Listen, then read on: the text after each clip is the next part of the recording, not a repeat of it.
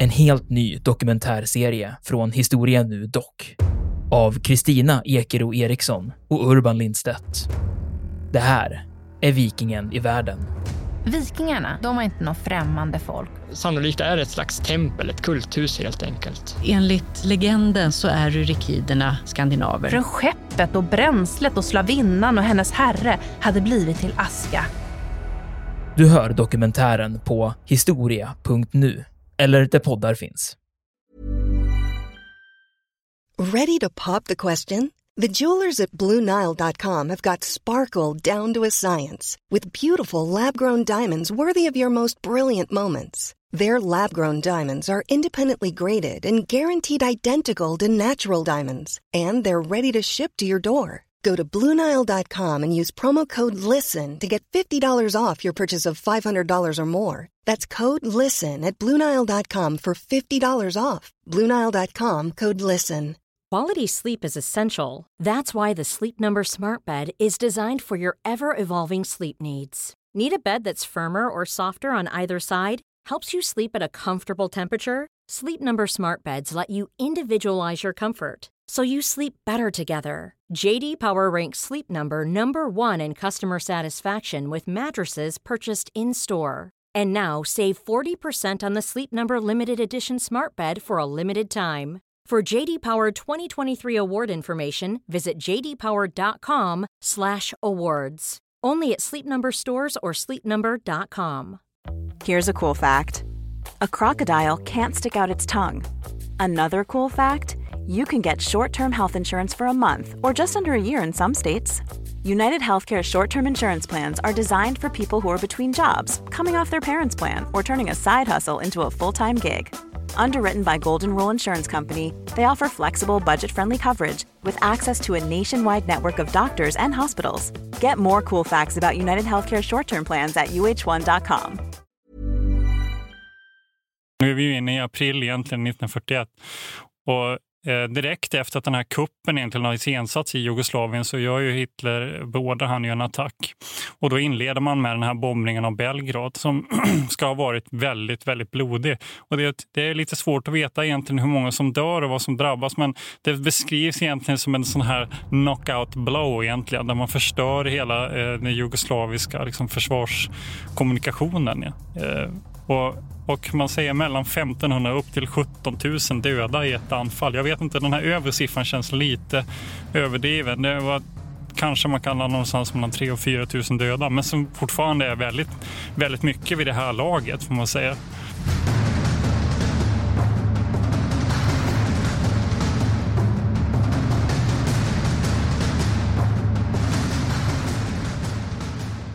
Militärhistoriepodden är podden om krig med människorna och samhället i centrum.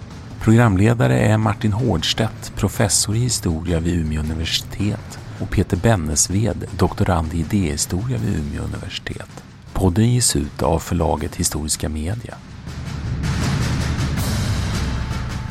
Men eh, välkommen till Militärhistoriepodden. Det här är Peter Bennesved. Och det här är Martin Hårdstedt. Och nu ska vi ta oss an ett ganska komplext tema får man säga. Det här fortsätter ju på vår eh, andra världskriget-serie kan man, eh, kan man också tillägga. Och det är då det som hände efter slaget om Storbritannien. Och delvis, delvis samtidigt också för den delen. Men det handlar om invasionen av Balkan och mm. i det även inräknat Grekland.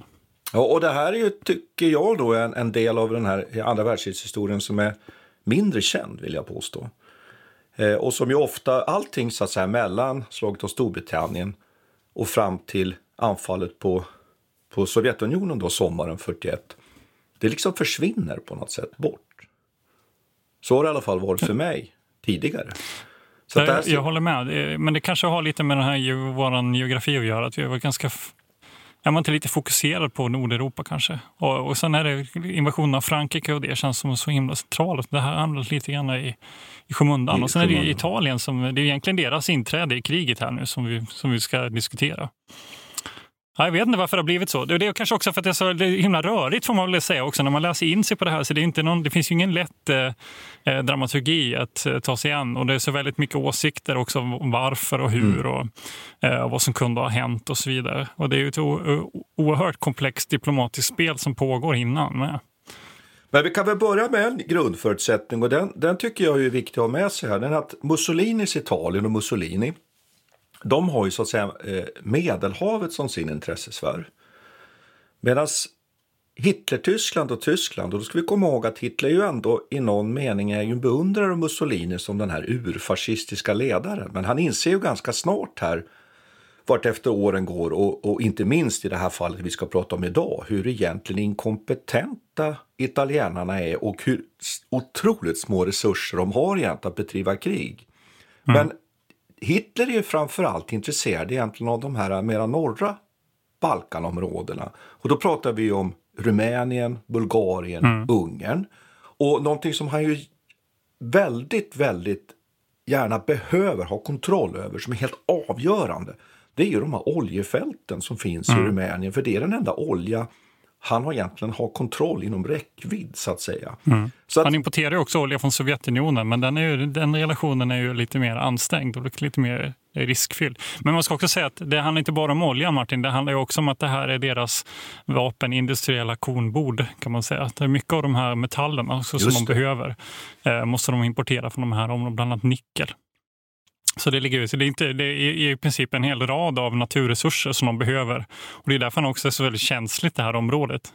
Men så kan man väl man kan väl lägga till också att även om eh, Italien ser Medelhavet som sin, sin eller Mussolini ser eh, Medelhavet som sin främsta intressesfär så har han ju också eh, aspira, vad ska man säga, ambitioner att eh, också engagera sig i Jugoslavien. Ja. Och, och, länge, länge försöker Mussolini ändå eh, få ett godkännande av Hitler egentligen för en, någon slags offensiv in i Jugoslavien. Faktiskt. Ja, så, så han är ju... ja och det är ju mm. Albanien först väl som, som ju, ja, Som, som mm. ju Italien tidig, tidigt ockuperar redan 1939. Och det ska vi också komma ihåg här för att få hela bilden klart för oss att det är viktigt att påminna lyssnarna om det att eh, Ribbentrop-Molotov pakten gäller ju här som ett paraply. Eh, så att man har ju så att säga en uppgörelse med Sovjet. Du var ju inne på det där att man har fortfarande ett inflöde av viss råmaterial från Sovjet. Va? Men det är ju ingenting man kan räkna med. Och vi kommer ju komma till det sen att det är nu som tanken om det här anfallet mot Sovjet också väcks. Men precis som du säger att Italien har ju intresse av det här området och tar ju Albanien redan 1939. Mm. Och sen kan man ju fråga sig varför blir det så att Tyskland till slut, samtidigt som man börjar bygga upp, mm. eh, bygga upp och ställa in armén på det här enorma anfallet mot Sovjetunionen som handlar om att samla 180 divisioner.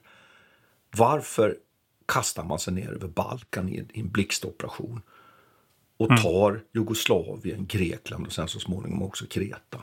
Varför gör man det? det? det? tycker jag är spännande. Och där har ju forskarna haft väldigt olika åsikter, eller hur? Jo, precis.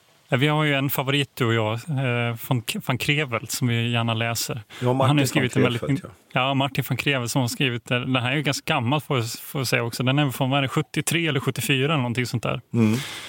Han gjorde en väldigt eh, ingående studie av eh, av Hitlers intentioner och strategier för det här området. Och Det som är så intressant är ju den här vändningen från att ha varit extremt eh, rädd för att sätta igång konflikter i Balkanområdet just av de här eh, orsakerna runt naturresurserna där till att helt plötsligt satsa allt på ett kort egentligen och, och eh, skicka ner. Och också att han skickar dem igenom Jugoslavien. Mm. Som då försöker, vara, försöker behålla den här neutrala eh, positionen och dessutom genomgå en statskupp bara för att deras prins, då var han prins Peter, ja. Paul, va? Mm. han skriver ju på den här eh, tripartitpakten. Ja, mm. Men, och, och detta utlöser en kupp i Jugoslavien och ett par andra då tar över och försöker dra tillbaka det och behålla Jugoslaviens neutralitet. Så det här är ju väldigt, så man fattar ju att det pågår grejer här och, och detta tar ju Hitler som en, som en eh, personlig förolämpning i princip och därefter beordrar han ju också anfallet. Men där kan man, man kan ju fundera på varför var det så då att helt plötsligt, för, för under en lång tid så har han varit väldigt emot det här till att helt plötsligt bara acceptera mm. i princip mm. en total sönderdelning av den jugoslaviska staten. Ja, och då kan vi också lägga till att, att det här är också en tid då man just har skrivit under den här trepakts, trepakten mellan Japan, mm. Italien och Tyskland som egentligen är en antikommunistpakt. Och då vill man ha med de här staterna. Eh, och där har man ju då bland annat, man får ju med då sen så småningom Bulgarien, Ungern i det här. Och då vill man ha med, precis som du sa, locka in även Jugoslavien i det här.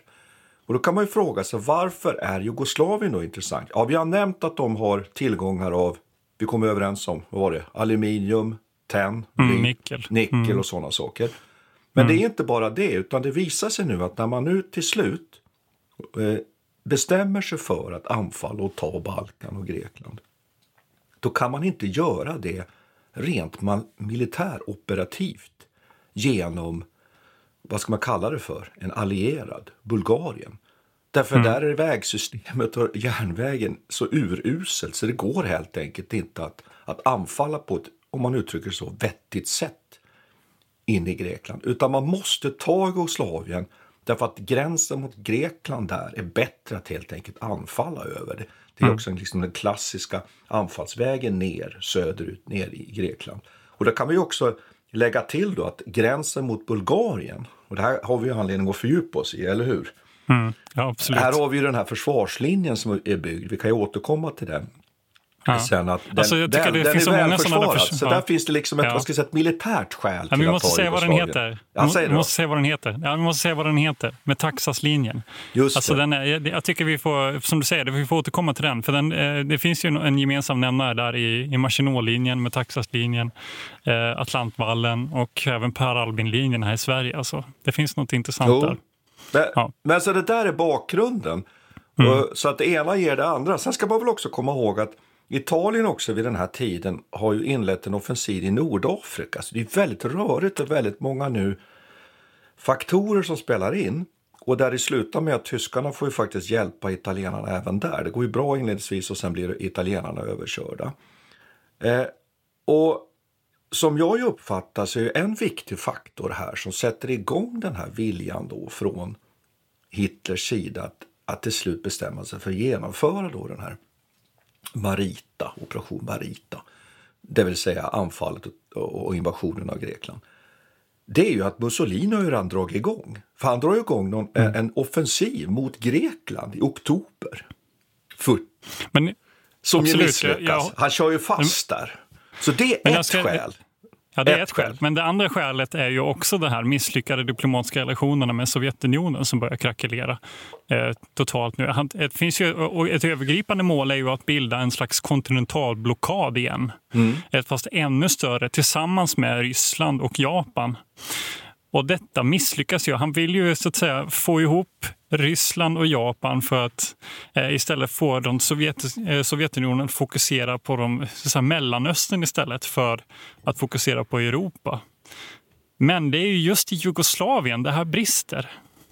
För det är det han inser också, att de här, att jugoslaverna står ganska nära Sovjetunionen. Mm. Och de har sökt kontakter där via Ankara i Turkiet. Det är väldigt komplext där. Ja. Så en av de här orsakerna till att han slutligen accepterar Mussolinis offensiv, det är ju när han inser att spelet med Sovjetunionen faktiskt är över. Han kommer inte kunna få, mm. Hitler kommer inte kunna övertyga ryssarna om att de måste fokusera på Mellanöstern istället och låta Europa vara och nöja sig med det de har. Du vet vad jag tänker på när du sitter och pratar här nu? Nej, säg, att det är väldigt likt egentligen, det finns ju paralleller till Napoleonkrigen. Ja, absolut, jag menar, det är ingen slump att han använder, han använder ordet kontinentalblockaden ja, själv. Och det, det, var det jag tänkte säga just, att, att det mm. du anspelar på där, det är ju den, den blockad av brittisk handel som Napoleon sätter igång 1806. Så det är, det är alldeles rätt som du säger att här nu är relationen till Sovjet på glidning. Det kommer så småningom att bli ett brott. Samtidigt så har han den här problematiken med att Jugoslavien går ju inte med på. Det blir ju en kupp i Jugoslavien som du redan har pratat ja. om. Och de håller liksom fast vid någon form av, ska man kalla det för, neutralitet. Mm. Eh, sen kan man ju diskutera naturligtvis hur vettigt det var av de här jugoslaviska ledarna. Det är ju en general som tar makten där så småningom. Men, och sen har vi då också Mussolini som liksom har satt igång ett misslyckat anfall mot Grekland. Ja. Så att det är liksom redan igång. Men jag skulle jo, vilja skjuta in en faktor till här. Ja, kör hårt. Och det är ju kanske det som egentligen, jag vet inte om det är det viktigaste. Jag skulle nog vilja säga att det är den viktigaste faktorn. Och den är ju att han vill ju inte att britterna ska ha kontroll Nej, över grekiskt territorium. Därför att vad innebär det? Jo, britterna kan, kan använda flyg för att nå oljefälten i Rumänien som är så betydelsefulla. Så här tror jag vi har skissat. En, ja. jag, jag, tror att vi har mm. skissat du faktiskt de viktigaste faktorerna här. Mm. Ja, det är precis. Det är mycket prat om just Vi får ju prata om Kreta vid ett annat tillfälle, men det är ju en av äh, grejerna här. Och det är ju det som Mussolinis misslyckade offensiv bidrar ju till en möjlighet till, för britterna att landsätta trupper just i Grekland. Det. Just det. Och det är ju här som, det är då han får panik, Hitler, och inser att det här, det här ja. vi, måste liksom, vi måste kliva in. Men då ska man väl lägga till det att grekerna inledningsvis klarar sig väldigt bra mot, mot italienarna. De lyckas ju faktiskt stoppa det här eh, eh italienska anfallet och till och med trycka tillbaks italienarna. Vilket, vilket är fullständigt, för Hitler i alla fall, helt fullständigt obegripligt. Och grekerna vill inte ha brittiskt militärt stöd så länge som det går bra.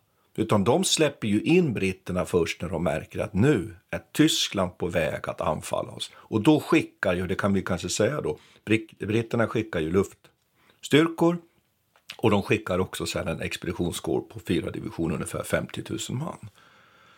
Och där vill jag Som består av australienare och nyzeeländare faktiskt. Och det är deras inträde i det här kriget. Ja, där, vill, där vill jag ju komma med en reflektion. Jag tycker ja, att det, det, är ganska, det är ganska fascinerande att britterna som på något sätt är nere på knä egentligen under, under slaget av Storbritannien. De har knappt hämtat sig från det, från den här stora luftinvasionen.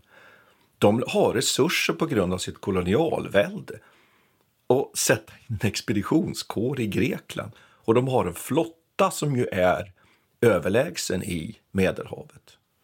För det kan vi också nämna här att under den här perioden, och det finns ju saker som vi har anledning att komma tillbaka till tycker jag som är spännande, att britterna agerar ju både mot den franska flottan i Nordafrika, man agerar också mot den italienska flottan och sänker en massa fartyg. Både på, och det kan ju vara intressant för lyssnarna att och, och, och förstå då att, att det beror ju på att den, den franska regimen under Pétain spelar ju med tyskarna. Och då vill britterna slå ut alltså den franska flottan som, som de inte riktigt känner att de har på sin sida, delar av den franska flottan. Så det här är också liksom ett spel ur britternas syn, synvinkel som är väldigt, väldigt spännande. Men så ja. situationen är Franco ju spelar ja. också in här. Och man kan ju lägga, lägga till att Franco spelar också en del ja. av det här. Då, i, det, I det att ja, men här kommer det stora vägvalet för, för, den här, för, för den spanska nationen. att De går ju inte med här i krig. För Franco har ju helt orimliga krav på, på territoriell expansion i Nordafrika som Hitler ja. absolut inte kan gå med på. Så det pågår ju en konflikt här mellan Frankrike och Spanien då, som, har, ja, som har samma intressen egentligen i Nordafrika.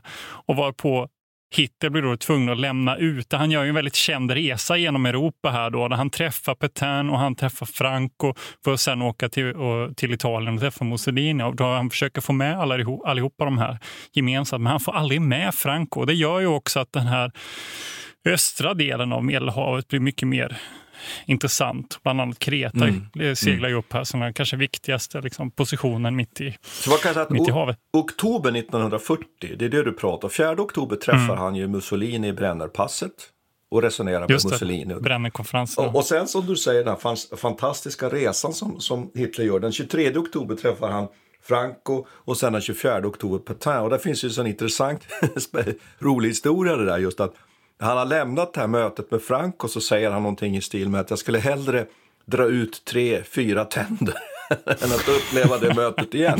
Därför för att Franco är hal som en ål.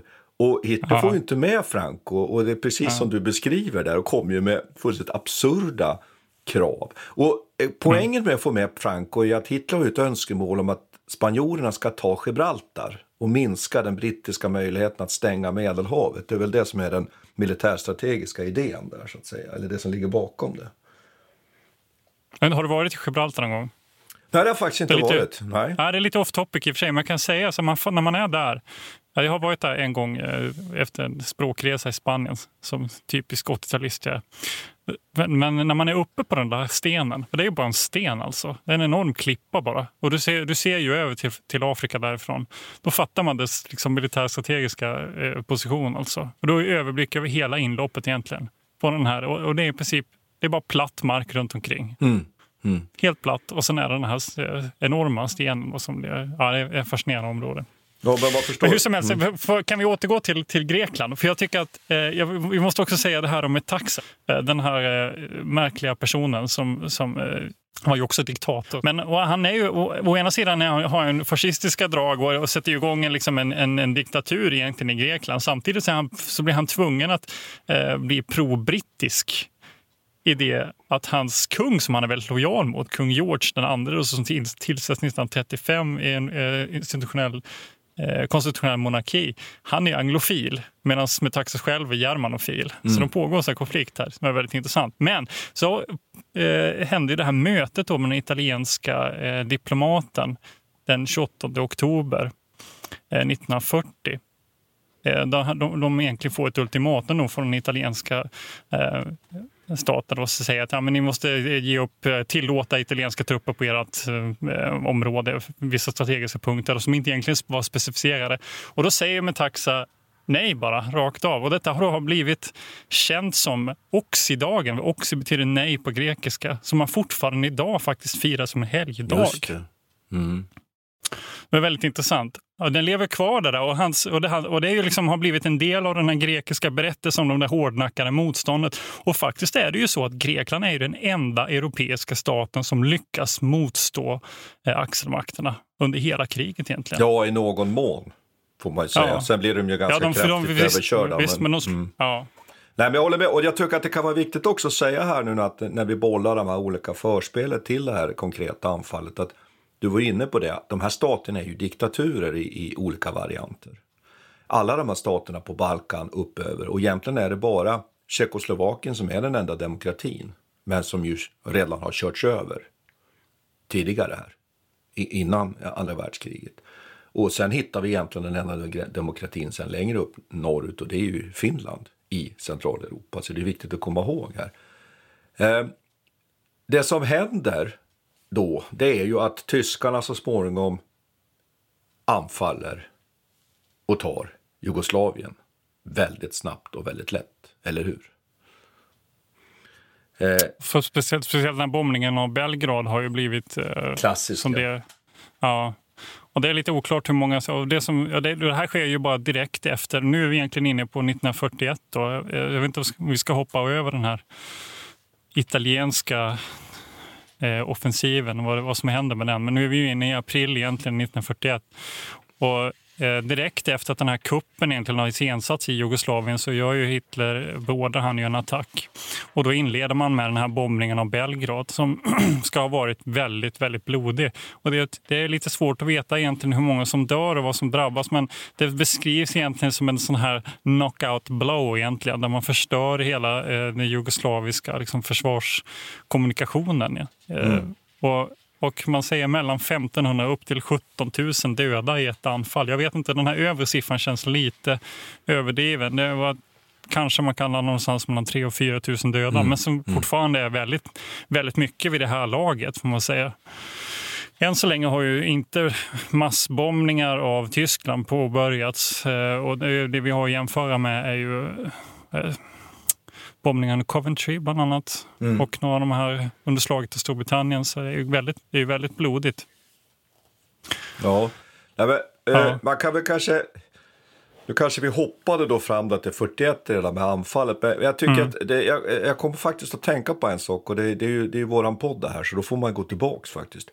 Mm. Det är en sak som jag tycker är spännande här också att, att mötet Hitler möter ju en massa personer. Vi har varit inne på att han träffar Petain, han träffar eh, Mussolini, han träffar eh, eh, eh, Franco. Men han möter också, det är ju också ett möte, inte med, inte med Hitler inblandad men personligen. Men Molotov och Ribbentrop träffas ju också i november faktiskt 1940. Just det, i Berlin. Ja, jag, jag skulle vilja gå tillbaka till det för det är också så spännande mm. det där att då så är det ju så att tyskarna vill ju eh, då genomföra den här operationen och ta, ta för sig mer ner på Balkan. Det vill inte Sovjet. Sovjet kommer dit och är faktiskt riktigt tuffa. Alltså Molotov är ganska oförskämd faktiskt i sina krav på eh, Hitler-Tyskland. Och där märker man ju väldigt tydligt nu att, att den här relationen mellan Sovjet och Tyskland är på väg att krackelera. Och det spännande är ju då att och det finns också en sån här härlig berättelse, det känner du säkert till, du som är skyddsrumsfanatiker Peter. Den är ju då att mitt under den här förhandlingen, då, här pågår ju bara under 48 timmar, Molotov är bara 48 timmar i Berlin. Då plötsligt anfaller ju brittiskt flyg Berlin. Så ja, att förhandlingarna, samtalen, de sista, de äger rum nere i ett skyddsrum. Och, och då säger, säger då Ribbentrop att ja, mm. men eh, Storbritannien är nere på knä, de är snart eh, färdiga, de kommer snart att, att skriva, under, skriva under fred. Och då säger Molotov bara sarkastiskt, ja men varför sitter vi i så fall här nere i skyddsrummet och vilka är det som bombar mm. oss? det är lite spännande. Så att, men, men att, mm. så att vi ska ha klart för oss att den här Balkananfallet sker ju i en, i en period ju där, där egentligen vi är på väg mot den stora uppgörelsen i andra världskriget. Mm. Och nu tillbaks till Jugoslavien. Jugoslavien körs ju över blixtsnabbt av den tyska armén. Och du har varit inne på bombningarna mm. i Belgrad. Mm. Så det är egentligen inte så mycket att, att fördjupa sig i. Det som jag tycker är intressant militärt är ju uh, att man ju anfaller in i ett område där ju faktiskt NATO-trupper ogärna ville gå in på 90-talet. Därför att det är så svårt att operera. Men här använder alltså tyskarna pansar faktiskt i ett bergsområde med ganska stor framgång. Och det enda sättet att förstå det där på det är ju att tyskarna är så materiellt och utbildningsmässigt överlägset och att mm. Jugoslavien är så under, underlägsna. Mm. De har ingenting att ja, sätta då, Det sägs att de i princip bara har, de har lite förstärkningen av eh, tjeckiskt eh, några tjeckiska pansarvagnar tror jag ja. Eh, och lite utrustning. Men det är egentligen det enda de har. Annars kör de med samma teknik som man har under, under första, första världskriget. Ja.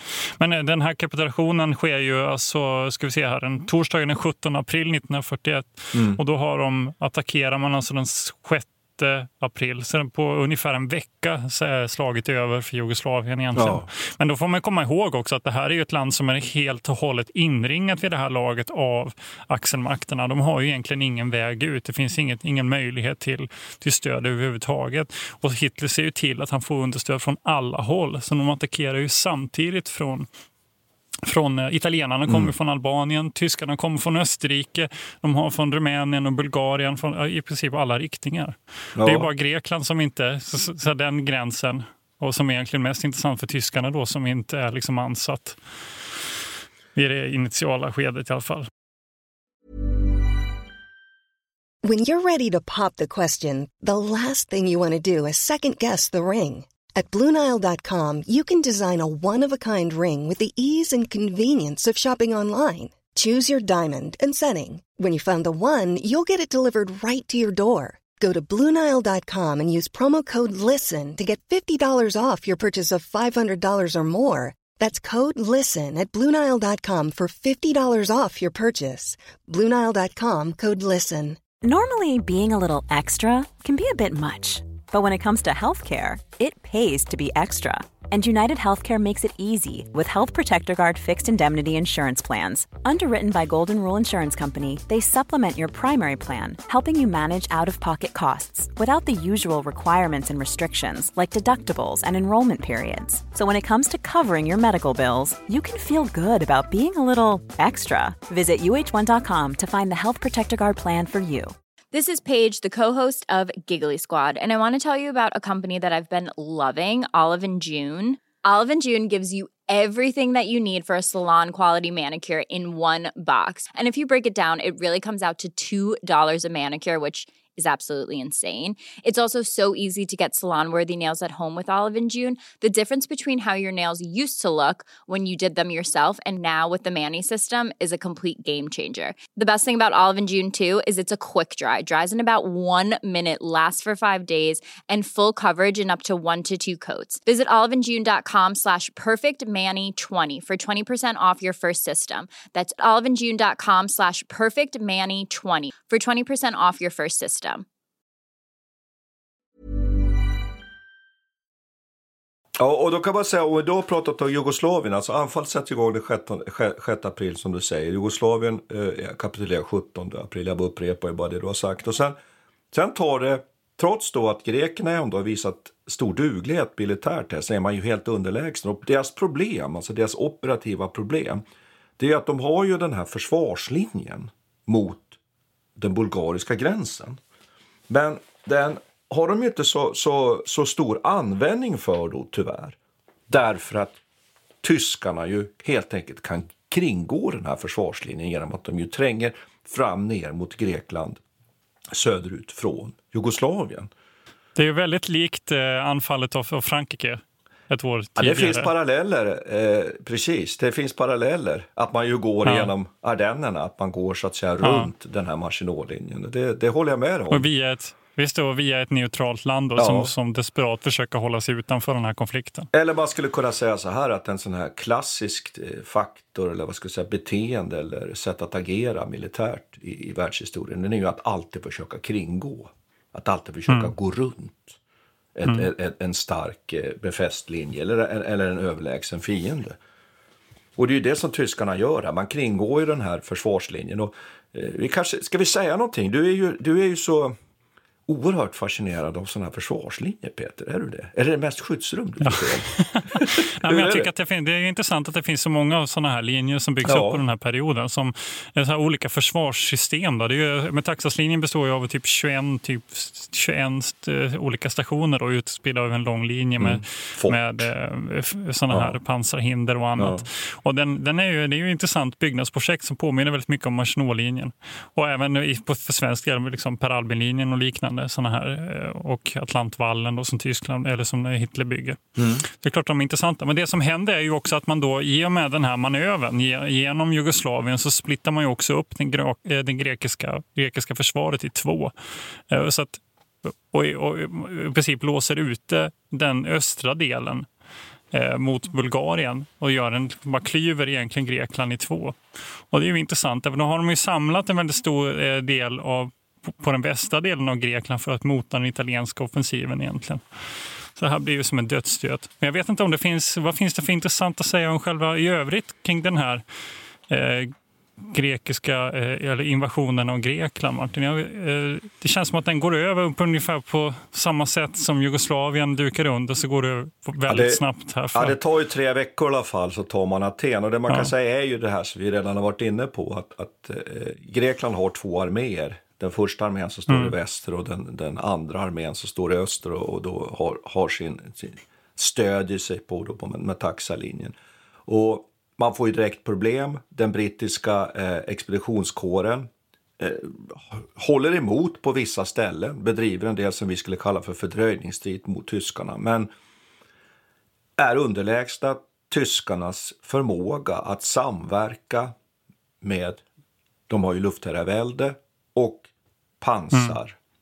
Mm. Eh, mm. Och man helt enkelt bara, försvaret kollapsar och britternas egentligen största problem det blir att hur sjutton ska vi få ut de här trupperna, att evakuera de här. Vi, mm. Man kan ju skratta lite åt det, de är ju bra britterna på att evakuera kan man ju konstatera.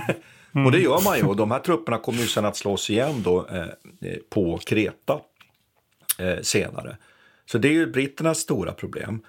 Mm. Eh, så det går ju väldigt snabbt. Eh, och här kan man väl något, om man nu får uttrycka sig på det sättet, kan man ju tycka lite synd om grekerna som ändå för, förefaller vara ganska militärt dugliga som man var inne på tidigare. Ja. Men som är helt chanslösa.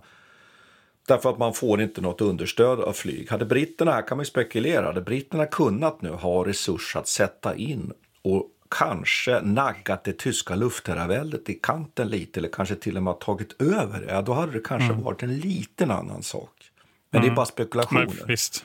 Men jag menar, Tyskland går in med över 900 flygplan i den här ja, ja, ja. offensiven. Och, och... Italien kom in med 660 har ja. lite svårt. Eh, de har inte så mycket att säga till om nej, det faktiskt. Nej, nej. Och så men det är ju, men det är ju, det är ju intressant att säga det. det är, men det är ju Metaxa då som är eh, ledaren så att säga och tillsammans med generalen Alexander Papagogos. Mm. Oh. Det är egentligen de som står för den här stora vad ska man säga, taktiken som ändå lyckas ganska bra.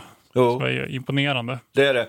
Men sen tar ju tyskarna då eh, eh, eh Grekland. Och här, här är en sak som jag tycker man kan ändå föra fram. Jag ska bara säga en annan sak först kanske. Att mm. De möter ju alltså den tolfte och andra tyska armén som har satt sig igång för den här operationen. Och det är ju moderna arméer som har pansarförband och som, har som är mekaniserade, motoriserade. Så det är klart att de möter ju det, så att säga, toppen av militär förmåga vid den här tiden. Men det finns mm. en sak som jag tycker är spännande och det är att ibland ser man i litteraturen att man brukar hänvisa till att det här är sista gentlemannakriget under andra världskriget. För grekerna, okay. de släpps omedelbart. När de har eh, gett, gett upp, kapitulerat och lämnat ifrån sig sina vapen så skickas de hem. Tyskarna tar ju hundratusentals eh, grekiska och jugoslaviska fångar. Och just när det gäller grekiska armén så släpper man de här direkt. Det som däremot är ett problem sen för grekerna och för så att säga, fortsatta utvecklingen i Grekland det är ju att tyskarna har ju, Hitler har som idé här att ge det här till Mussolini, till italienarna för att hålla sin svaga allierad så att säga på gott humör. Så att många mm. grekiska förband och generaler, hela, hela divisioner, hela armén tvingas att kapitulera en andra gång för italienarna. Ja, just det. Ja, men det där, ja. ja och det där såg mot ju sin blodsfiende Italien. Ja, ja mm. och det såg ju ett enormt eh, hat mot italienarna. Mm. Men när det gäller just relationen mellan tyskarna och grekerna så är den ändå eh, just, man brukar använda begreppet gentlemannamässig och det tycker jag är ett spännande faktum. Sen vet vi att andra världskriget knappast ju karaktäriseras av gentlemannatakter om man uttrycker sig så. Men mm. det där tycker jag man kan föra in här. Eh, mm. Sen kan man väl konstatera att tyskarna har ju egentligen väldigt små förluster under det här kriget. Det är alltid lite bisarrt att prata om små förluster när det ändå handlar om tusen. Ja, men om man tittar på, på invasionen av Jugoslavien så får man nog ändå erkänna att det är så. Det är ju löjliga siffror i jämförelse. Ja, tyskarna förlorar ju ungefär 45 000, 45 000 man i anfallet på Frankrike och Belgien. Här förlorar man 1100 mm. stupade, sen ytterligare ungefär ja. 4 000 i saknade och sårade. Britterna tappar ju ungefär 11 000 man i tillfångatagade, stupade och är den här expeditionskåren ja. i Grekland då? Eller? Men man lyckas ja. ju alltså få ut ungefär mellan tummen och pekfingret eh, fyra femtedelar av den här kåren. Eh, som du har varit mm. inne på nyzeeländare. Jag kan, inte, jag kan inte låta bli att upprepa det. Det är ju mm. fascinerande mm. att man har nyzeeländska soldater i Grekland. Ja, men de kommer spela en intressant roll sen. Vi ska prata mer om det när vi, när vi går in på Kreta 1941. För det är det som händer härnäst kan man väl säga. För att nyzeeländarna spelar en väldigt viktig roll här. Och det är deras stora stund egentligen under andra världskriget som sker på Kreta sen. Så det ska vi Ja, mm. jag, jag, antar att det är de här trupperna då som omlokaliseras till Kreta. Det måste ju vara så. Ja, ja så är det Och de kommer ju sen att slåss. Ja. För det som vi, har, som vi ska ägna ett, ett, ett, samtal kring här sen så småningom, det är ju den här, tycker jag, väldigt spännande, intressanta luftlandsättningen på Kreta. Som ju är den mm. första eh, luftlandsättningsoperationen av den storleken. Eh, det kan man ju nämna här att en del av de här grekiska öarna tas ju faktiskt med luftlandsättningar av, av tyskarna. Ja. Är det Korintkanalen du tänker på Ja, nu? precis, bland annat. Och, och Sen kan man väl nämna också, tycker jag, här att vad, eh, nämna eller liksom sammanfatta lite. Vad är det som gör att det här går då så fort? Och vi har ju varit inne lite på några saker. Eh, den jugoslaviska kollapsen, den är ju avgörande. Mm. Därför mm. att, ja, det behöver vi inte upprepa, det gör ju att den grekiska armén hamnar ju i en, i en tvåfrontssituation och att man kan kringgå den här med taxalinjen. Eh, britternas liksom misslyckande. Man kunde kanske ha pumpat in mera trupp uppträtt mm. på ett effektivare sätt. Luftherraväldet, det tyska har vi sagt. Tyskarnas överlägsna utrustning och utbildning. Mm. Och sen också att man, trots att man nu var underlägsen, kunde man ha samordnat bättre mellan greker, britter och jugoslaver. Men samtidigt ska vi komma ihåg här att, som vi har varit inne på, att både jugoslaver och greker är väldigt rädda för att få brittisk hjälp. För att kommer mm. den in för tidigt, då tror man mm. att det kommer att trigga tyskarna att anfalla. Men vänta, nu får du hjälpa mig och erinra mig om vad som det här stämmer. Va? Är det inte så att också det pågår en liten en, en diplomatisk strid mellan Grekland och Jugoslavien också om en hamn? Va? Jo, Eller då... är det Bulgarien? Eller om med här Saloniki? Eh, jag, kommer, jag, kan inte, nej, nej, jag vet men, att jag har läst lite om Jo, nej, men det finns eh. alltså konflikter mellan de här grannländerna. Absolut. Mm. Och den, det är både jugoslaver och bulgarier har i Grekland så att säga, diplomatiska konflikter med. Så det är ju inte så Just att det är lätt att samarbeta. Det är inte så att de här Nej, driver precis. en gemensam linje. Och alla de här staterna då, vi har nämnt Ungern, Rumänien, Bulgarien, de är ju helt så att säga infiltrerade och övertagna av tyskarna också ska vi komma ihåg här. Mm. Eh, men en sak som jag tycker vi skulle kunna ta upp med tanke på, på Martin van Krefelds forskning kring det här och som, som där vi ju inledde på något sätt, den är ju alltså vilken betydelse har det här för Barbarossa? Sköt mm. det här upp Barbarossa? Det är ju en sån klassisk frågeställning. Mm. Men varför är den frågan intressant? Det fattar inte jag riktigt. Jag fattar att man har tvistat om detta. Men varför är det så liksom... Eh, varför, alltså, vad spelar det för, för större roll då? Alltså, vi, vi måste prata om några månader bara fram och tillbaka här. Ja, alltså... Nej, men, det, nej, men jag tror, att, jag, tror att det, jag tror att det handlar om att eftersom ju, eftersom ju Barbarossa och anfallet på Sovjetunionen blir ju så att säga den, den den stora uppgörelsen under andra världskriget och att mm. det sen visar sig att man når ju inte och tar ju inte Moskva och så vidare. Då blir ju där tidpunkten för att igångsättandet av Barbarossa så viktigt. Och därför hittar man mm. och söker förklaringar till varför man sköt fram den. Och där vill jag ju påstå att forskningen och Martin Frank Krefeld är ju väldigt tydliga att den här Balkanoperationen, mm. den påverkar marginellt Barbarossa, utan man skjuter ju fram datumet för Barbarossa av helt andra skäl. Framförallt att våren är sen mm. och att man inte kan sätta igång anfallet. Men de här förbanden som finns och används nere på Balkan, de hinner omgruppera och komma med i anfallet på mm. Sovjetunionen. Så att det är min tolkning av vad litteraturen står. Så det ja, är det samma, eh, samma här. Jag tycker också att han, han får det att framstå som att det egentligen inte innebar någon större förändring. Att han, eh, Hitler egentligen ser till då att när han inser att italienarna inte kan säkra den här flanken. Det handlar inte bara om de här oljefälten, det handlar också om att man har säkrat liksom den här tyska flanken från eh, brittiskt inflytande då under den här operationen som man planerar. Mm. Men det verkar gå väldigt snabbt. Han från, från det, egentligen från det där beslutet som kommer ur mötet med Ribbentrop i Berlin till, mm. till att man sätter igång Barbarossa. Och det tycker jag är rätt fascinerande i och för sig. Det kan man ju nämna i samband med detta då att Hitler har ju den här taktiken att han hela tiden ber sitt, sitt eh, kommando att göra olika planer och bygger upp ett par, tre olika planer. Han har ju som här handlingsalternativ hela tiden. Så så planerna för Barbarossa pågår ju samtidigt som det också pågår eh, planer för Gibraltar till exempel. Och som, som man då liksom i princip bara väljer emellan när situationen uppstår. Det är väldigt, väldigt intressant eh, som bland annat van Krevel då framhåller som ett känne, kännetecken för Hitlers strategi.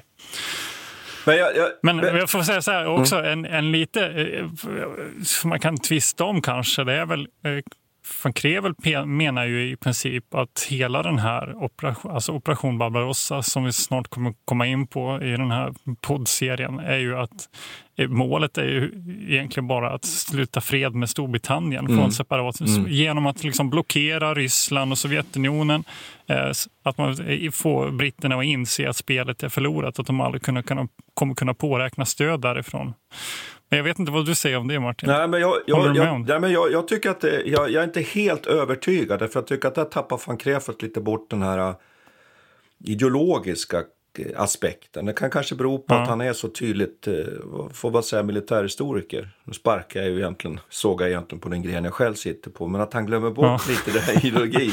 Det var jag faktiskt ja. lite, hade jag lite självinsikt Peter, märkte du det? Ja, jo, det var jag imponerad. Och, och, ja. Men jag tror att, jag, jag, jag tror att, det, däremot så tror jag så här att, att om jag får föra en annan, en annan tanke, tanke vidare, den är ju att han har ju världsherraväldet som mål och det skulle ju göra då att det där på något sätt skulle verka vara rimligt. Därför då är det Storbritannien han måste slå ut. För de har ju mm. hela tiden världsomspännande mm. kolonialvälde. Och därför är också Balkanoperationen inte bara nödvändigtvis en perifer operation. Utan om vi tänker då mm. Grekland och sen ta Kreta för att sen kunna slå mot Mellanöstern och slå mm. Suez och så vidare, det brittiska kolonialväldet. Så där mm. finns det ju en aspekt som är spännande, att det kanske är viktigare i en förlängning. Men jag tycker du är inne mm. på någonting som är, som är, du var inne på det här med planerandet. Att man ska komma ihåg att militärer planerar ju för allt och det pågår ju massa planeringsverksamhet. Man bestämmer sig i slutet av 40 för att börja planera för Barbarossa. Man planerar som du säger, man, man ställer in operationen mot Storbritannien. Man planerar Gibraltar, man planerar Balkan, man planerar det ena med det tredje med det fjärde. Mm. Och det här pågår ju hela tiden och, och, och de här olika pla planerna. Men det är inte säkert att de sätts i verket så man får inte ta som intäkt att det nödvändigtvis är så att man har tänkt att göra någonting bara för att man planerar. Nej, precis. Nej. Det handlar bara om att ha liksom förhandlingsvägar också, att Hitler kan dra fram de här korten och snabbt egentligen ge verkställa beslut. Så fort, så fort man märker att en diplomatisk väg är stängd så, säga, så kan man direkt tillgripa ja. vapen igen. Och samtidigt som det här pågår, det här Balkankriget, ska vi komma, då samlar man ju hela den, den tyska krigsmakten. Vi pratar ju om då att redan på våren 41 då har man 120 divisioner i, i östra delarna av Tyskland och börjar flytta mm. dem mot. Alltså, det är en gigantisk apparat med logistik och det går inte bara att, att snyta ur, ur, ur, ur västen bara pang utan det måste ju göras i god tid. Och det, så det tycker jag, om jag får säga så, att det är, det är fascinerande att man genomför den här operationen mot Balkan samtidigt som man pågår hela den där förberedelsen för Barbarossa. Mm. Det tycker jag är spännande. Mm. Men ska det, bli, ska det bli på något sätt slutorden? Ska vi, ja, men jag tror det. Ska vi, ska vi ge en alltså... liten, en liten, liten sån där aptitretare här då? Att vi, vi har ju tänkt... ja, men vi kan säga så här, vänta, ja. vänta, vänta, vi kan säga så här. Vi kan ju avsluta med att berätta i alla fall att den 27 april eh, 1941 så, så ockuperar axelmakterna Aten och där är det på något vis slut. slut ja. ja. och de dagarna efter det så ockuperar man även södra Grekland. Och då, och därefter kan man väl lämna över då till vad som kommer härnäst inom i alla fall den här segmentet. Ja, och det, ja. då tänkte vi att vi ska ta och, och, göra ett avsnitt på luftlandsättningen på Kreta. Mm. För det, det är spännande, men det får lyssnarna vänta på. Ja, Så att, eh, jag får väl tacka dig Peter för dina insatser ja, Ska vi säga någonting om nästa avsnitt också innan vi, innan vi tackar för oss? Vi, vad är näst i pipelinen egentligen Martin? Är det Falklandskrigen? Ja, Falklandskriget. Eh, och där mm. är ju mm. britterna igen, apropå det här med att, att ha kolonialvälde och skicka trupper jorden över, så har vi ju en, kan man kalla det för, en form av eh, expeditionsinsats i modern mm. tid, om jag uttrycker mig så. Alltså mm. 80-talet. Ja, det blir vårt första så eh, väldigt moderna avsnitt moderna också. Avsnitt, tror jag. Falklandskriget. Ja. Så. Nu har vi mm. försökt avsluta okay. det här avsnittet flera gånger, men, men då vill jag tacka dig igen Peter. Tack ska du ha. Ja, tack, tack, tack du också Martin. Tack, hej. Vi tackar historikern Martin Hårdstedt och idéhistorikern Peter Bennesved, bägge verksamma vid Umeå universitet. Militärhistoriepodden ges ut av bokförlaget Historiska Media. Producent är Urban Lindstedt.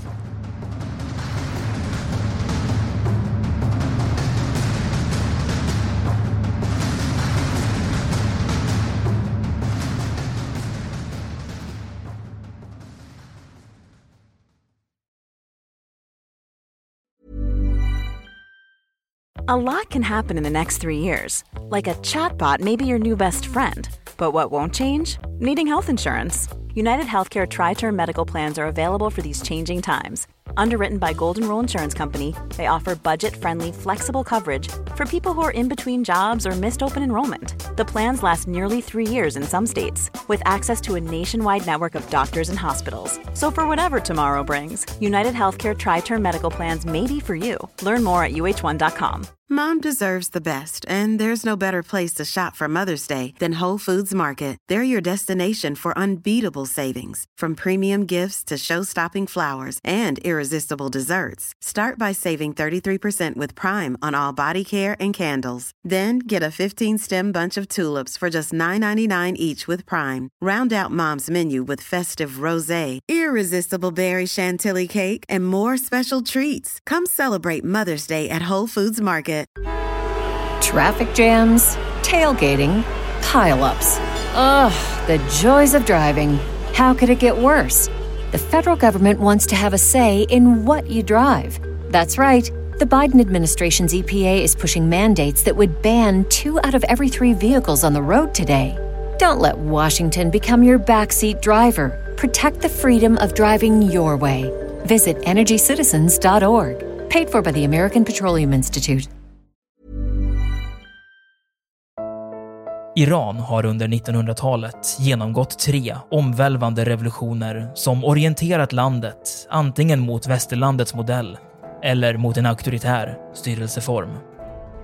Idag pågår en social revolution i landet som vänder sig mot det islamistiska styret och vars anhängare har Europa och väst som förebilder.